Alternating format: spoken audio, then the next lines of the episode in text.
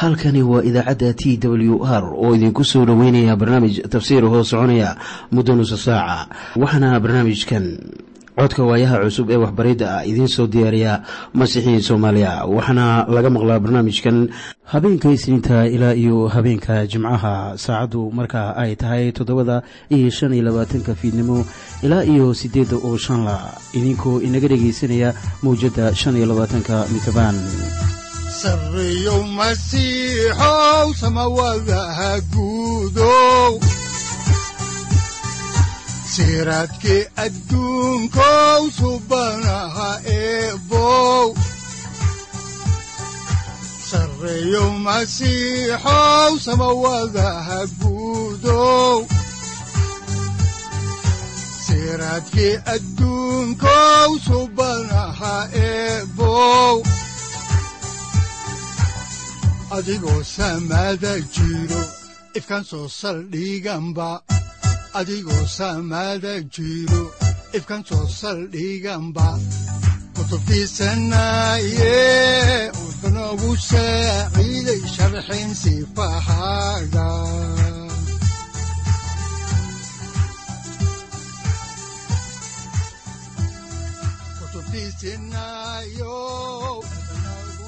ku soo dhowaada dhegaystayaal barnaamijkeenna dhammaantiinba waxaannu horay u sii ambaqaadi doonaa daraasaadkii aynu ka soo xiganaynay kitaabka bilowgii ee loogu magacdaray baibolka dhammaantii. Haddaba duluucda cutubka afraad ee aynu horay idiinku sii bilownay waxaa weeye sida tan soo socota. Dhalashadii qaabiil iyo haabiil. Ilaah oo qaabiil siiyey fursad labaad. Qaabiil oo dilay haabiil carruurtii qaabiil iyo ilbaaxnimo aan ilaah lahayn. Dhalashadiiseed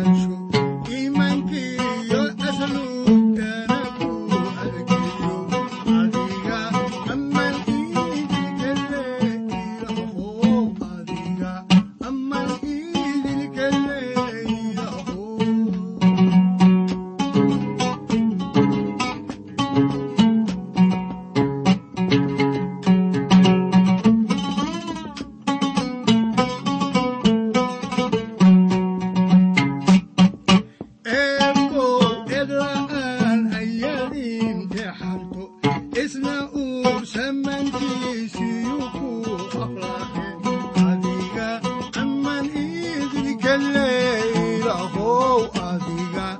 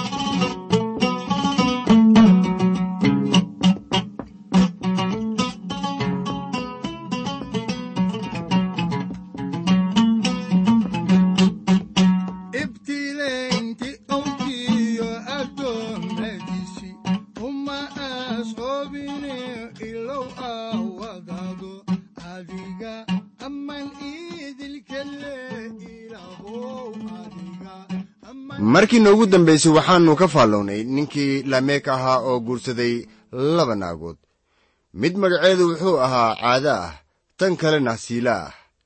Caadaha waxay ka micno tahay bilicsami waxay ahayd tan keliya oo quruxda medesha waa sidaan qiyaasayo ee siilaha waxay ka micno tahay dhuumasho.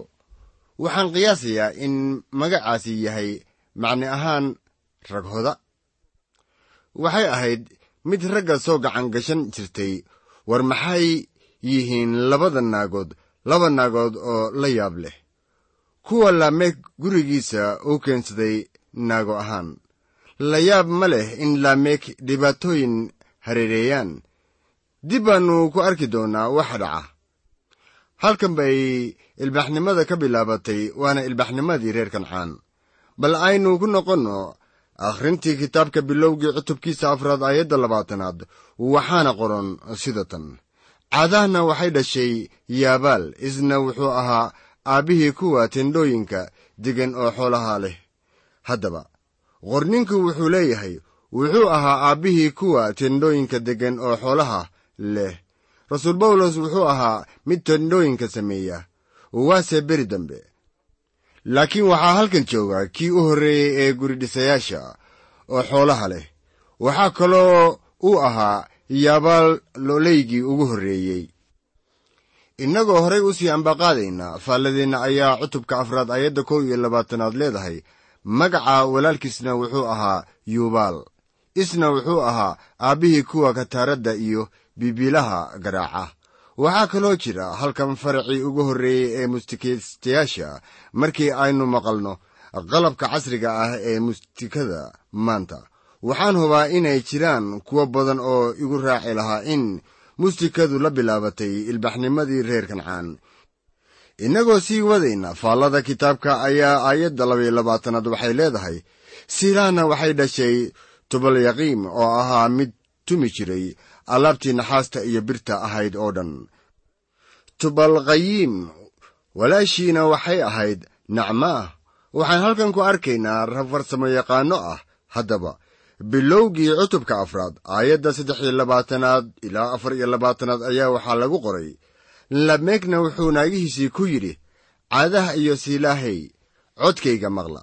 Lameeg naagihiisow hadalkayga dhegaysta nin baan u dilay dhaawicid uu i dhaawacay aawadeed iyo nin dhallinyar dhufsashadii uu wax igu dhuftay aawadeed.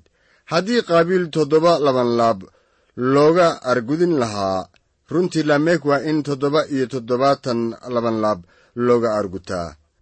Lameegna wuxuu yidhi haddii qaabiil loo dhaafay anna waa la ii dhaafi karayaa ha yeeshee qaabiil dilkii uu walaalkiis dilay ma ahayn mid isdifaac ah waxaase uu leeyahay lameeg anigu waan isdifaacayay haddaba anigu garan maayo inay sidaas ahayd iyo in kale.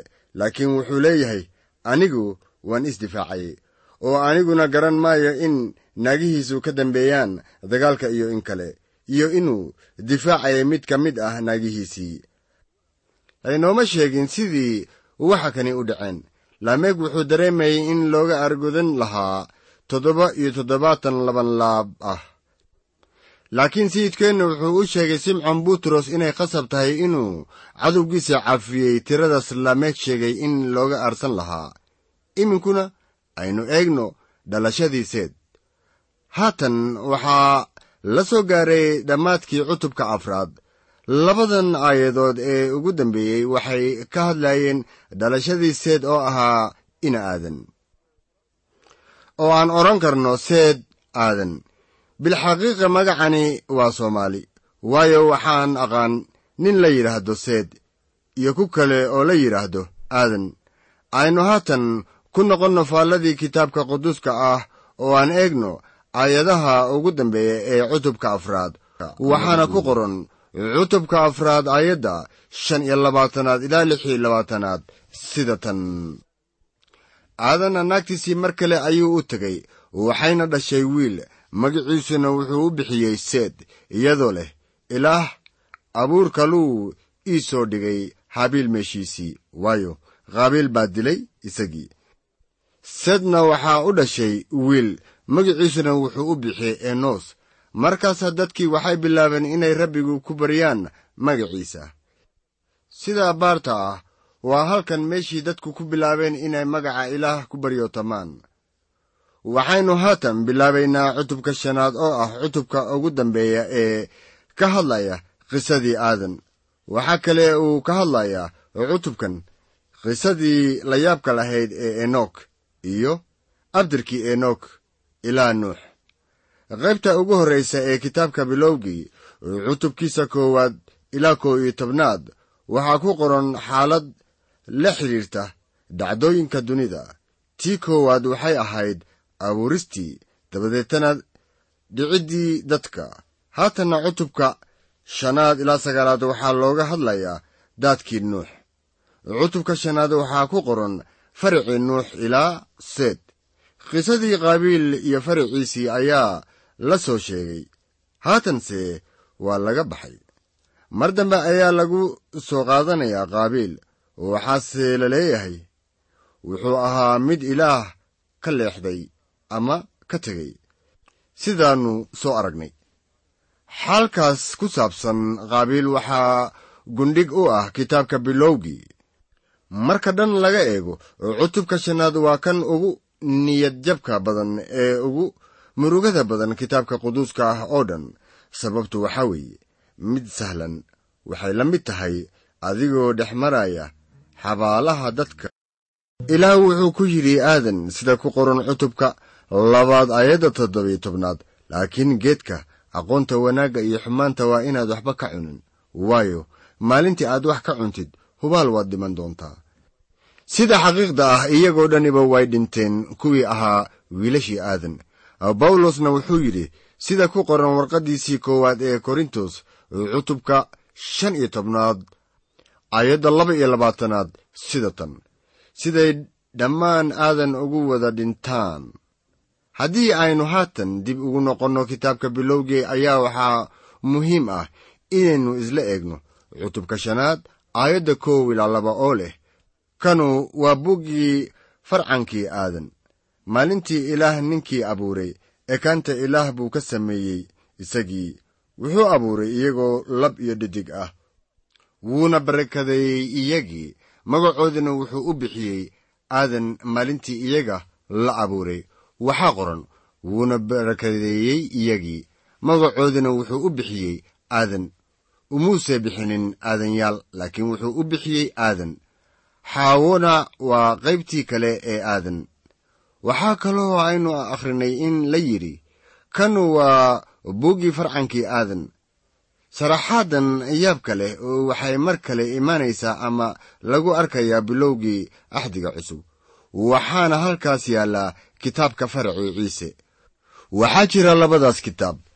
Sidan haddaba durbadiiba arkayo waxaa jira laba diilimood ama laba farac oo midba midka kale ayuu ka soo horjeedaa ama mucaaradaa loolanku wuu dheeraanayaa waa kan u dhexeeya faraca shayddaanka iyo kan masiixa oo isagu ah faraca la aqbalay.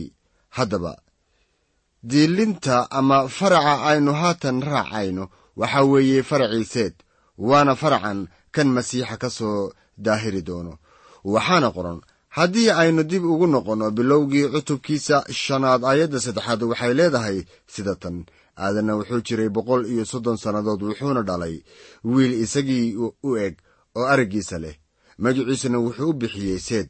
Markii aadan uu jiray boqol iyo soddon sannadood waa imisaa jir waxaa taas loola jeedaa markii ilaah abuuray aadan. Ma wuxuu abuuray isagoo soddon jir ah. Mase afar iyo toban jir ah.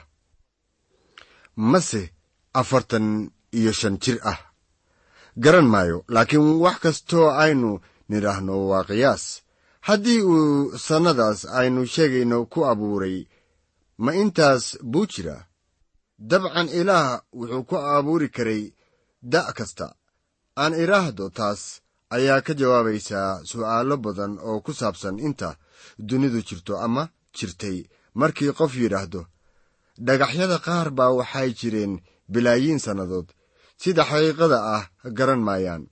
Laga yaabo markii ilaah abuuray dhagaxyadaas inay sii jireen ilaa iyo saddex bilyan oo sannadood. Tan ugu muhiimsan waxaa weeye markii aadan jirsaday boqol iyo soddon sannadood inuu dhalay wiil isaga u eg.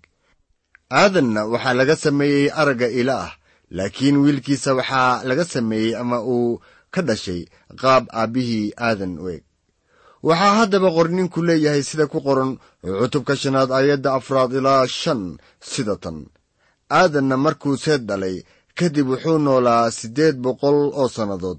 Wiilal iyo gabdhona wuu dhalay. Wakhtigii aadan noolaa oo dhammuba wuxuu ahaa sagaal boqol iyo soddon sannadood. Dabadeetana wuu dhintay. Haatan waxaynu ka bilaabaynaa halkan dhimashada ama qabrigelista. Aadan wuxuu dhalay wiilal iyo gabdho.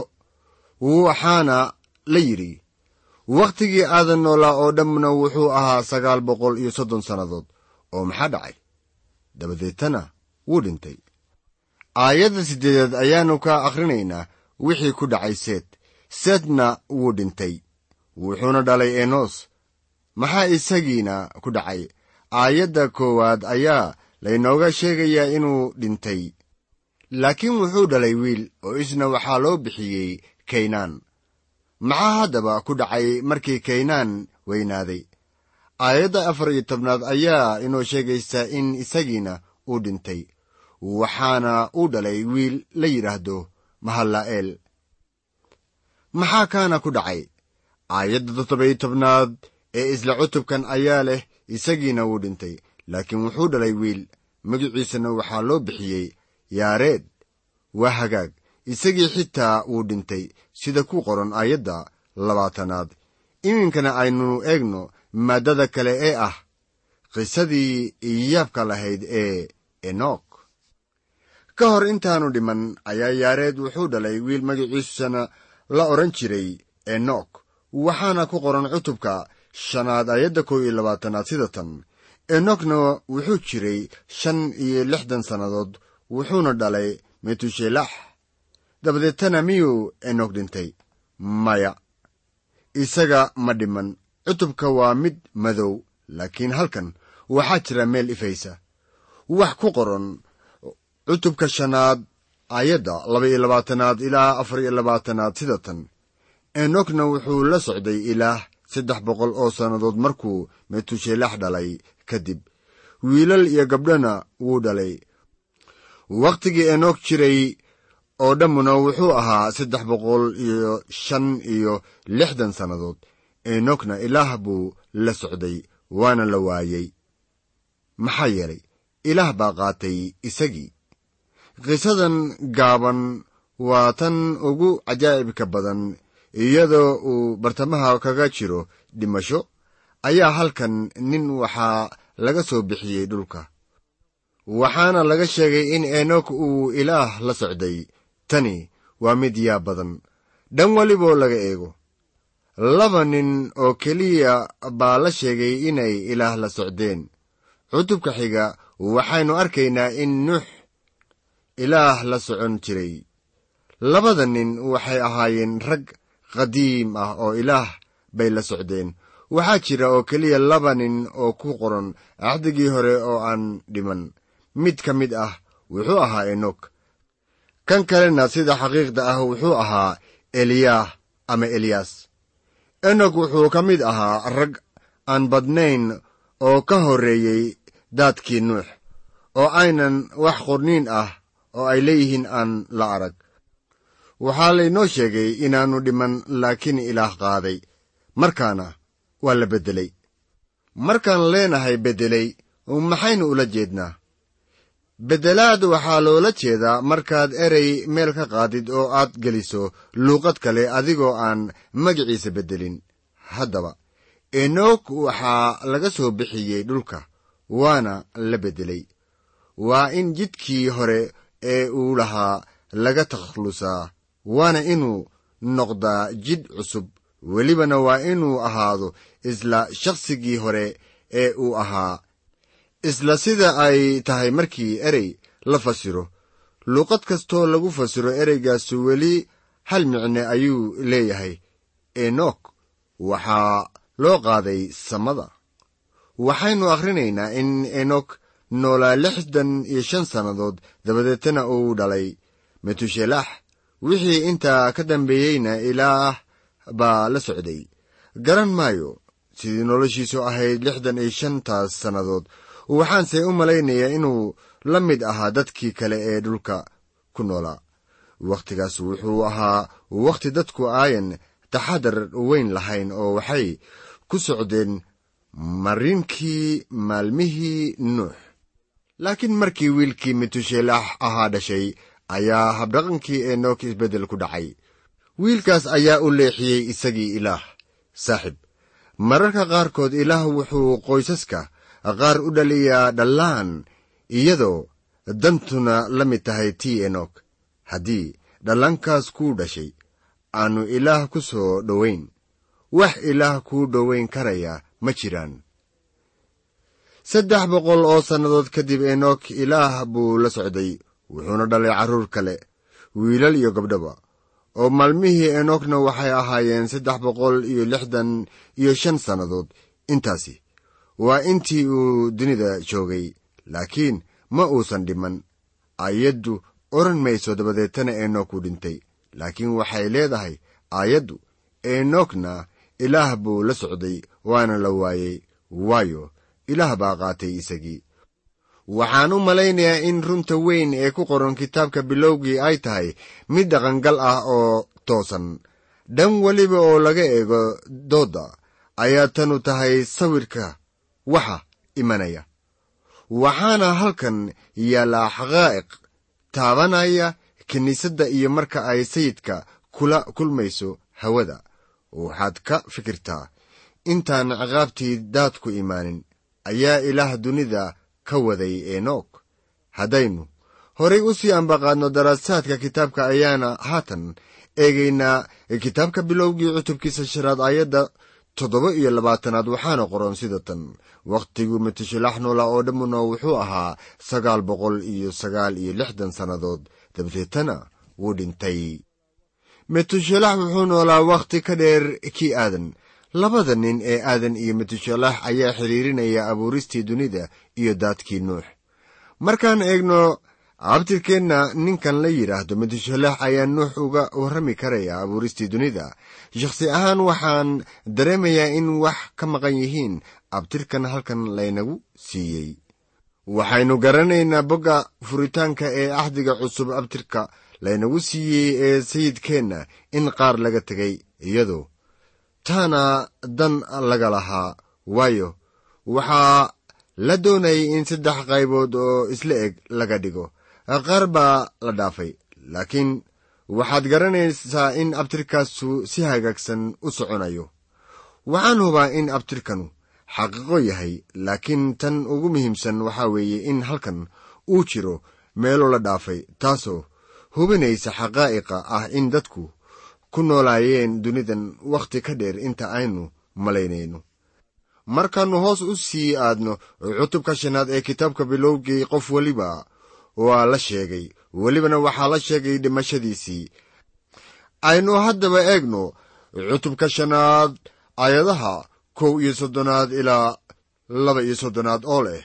Wakhtigii lamek noolaa oo dhammuna wuxuu ahaa toddoba boqol iyo toddobaatan iyo toddoba sannadood.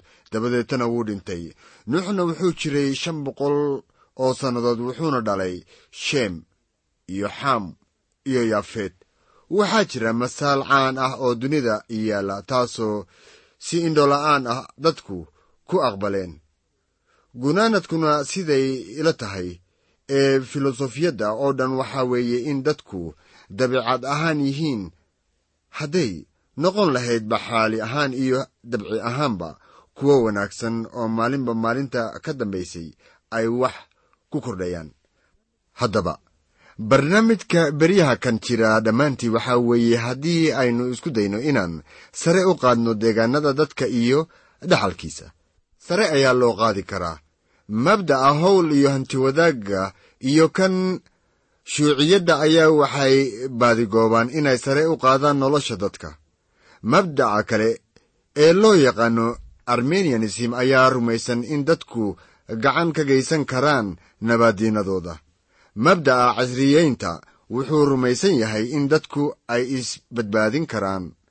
Markaan dhanka kale ka egno waxaa nabaaddiinada loo qaatay inay tahay tabarruc ilaah bixiyo oo dadku ay keligood samaysanayaan. Firqooyinka qaar baa leh dabiicadda bani'aadamku gebi ahaan way wanaagsan tahay oo ma jiro wax la yidhaahdo dembi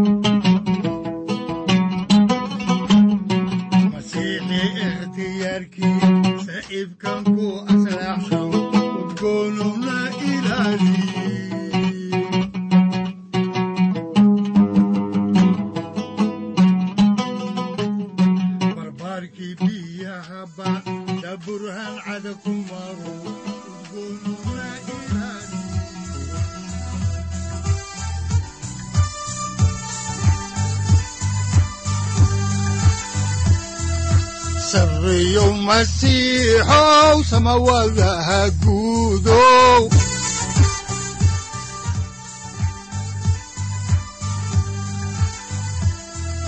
sarreeyow masiixow samawadaha siraadkii adduunkow subanaha eebow sarreeyow masiixow samawadaha guudow siraadkii adduunkow subanaha eebow adigoo samada jiro ifkan soo saldhiganba adigoo samada jiro ifkan soo saldhiganba kutubtiisanaye halkani waa t w r idaacadda t w r oo idinku leh ilaa ha idin barakeeyo oo ha idinku anfaco wixii aad caawi ka maqasheen barnaamijka. Waxaa barnaamijkan oo kalea aad ka maqli doontaan habeen dambe. Hadahan oo kale haddiise aad doonaysaan in aad fikirkiina ka dhiibataan wixii aad caawi maqasheen ayaad nagala soo xiriiri kartaan som t w r at t w r c o k e waxaad kaloo iimailada inoogu soo diri kartaan dhegaystayaal cinwaanka yahu-ga oo ah somali t w r at yahu com aaduu u fududyahayaa somali t w r at yahu com. Waxaa kaloo aan idin siin doonaa website. Aad ka maqashaan barnaamijyada soomaaliga ah si kuwiina doonaya in ay koorasyo ka qaataan bibalka ay ugu suurowdo ama ugu hirgasho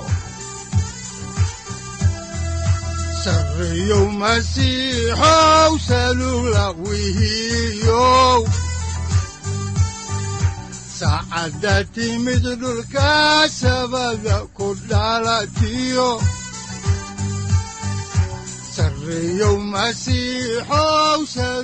halkani waa t w r oo idiin rajaynaya habeen baraare iyo barwaaqaba leh inta aynu ka gaari doono wakhti aynu ku kulanno barnaamij la mida kan caawayay aad maqasheen waxa aan idinku leeyahay nabadda ciise masiix ha idinku badato xagga jidhka iyo ruuxaba aamiin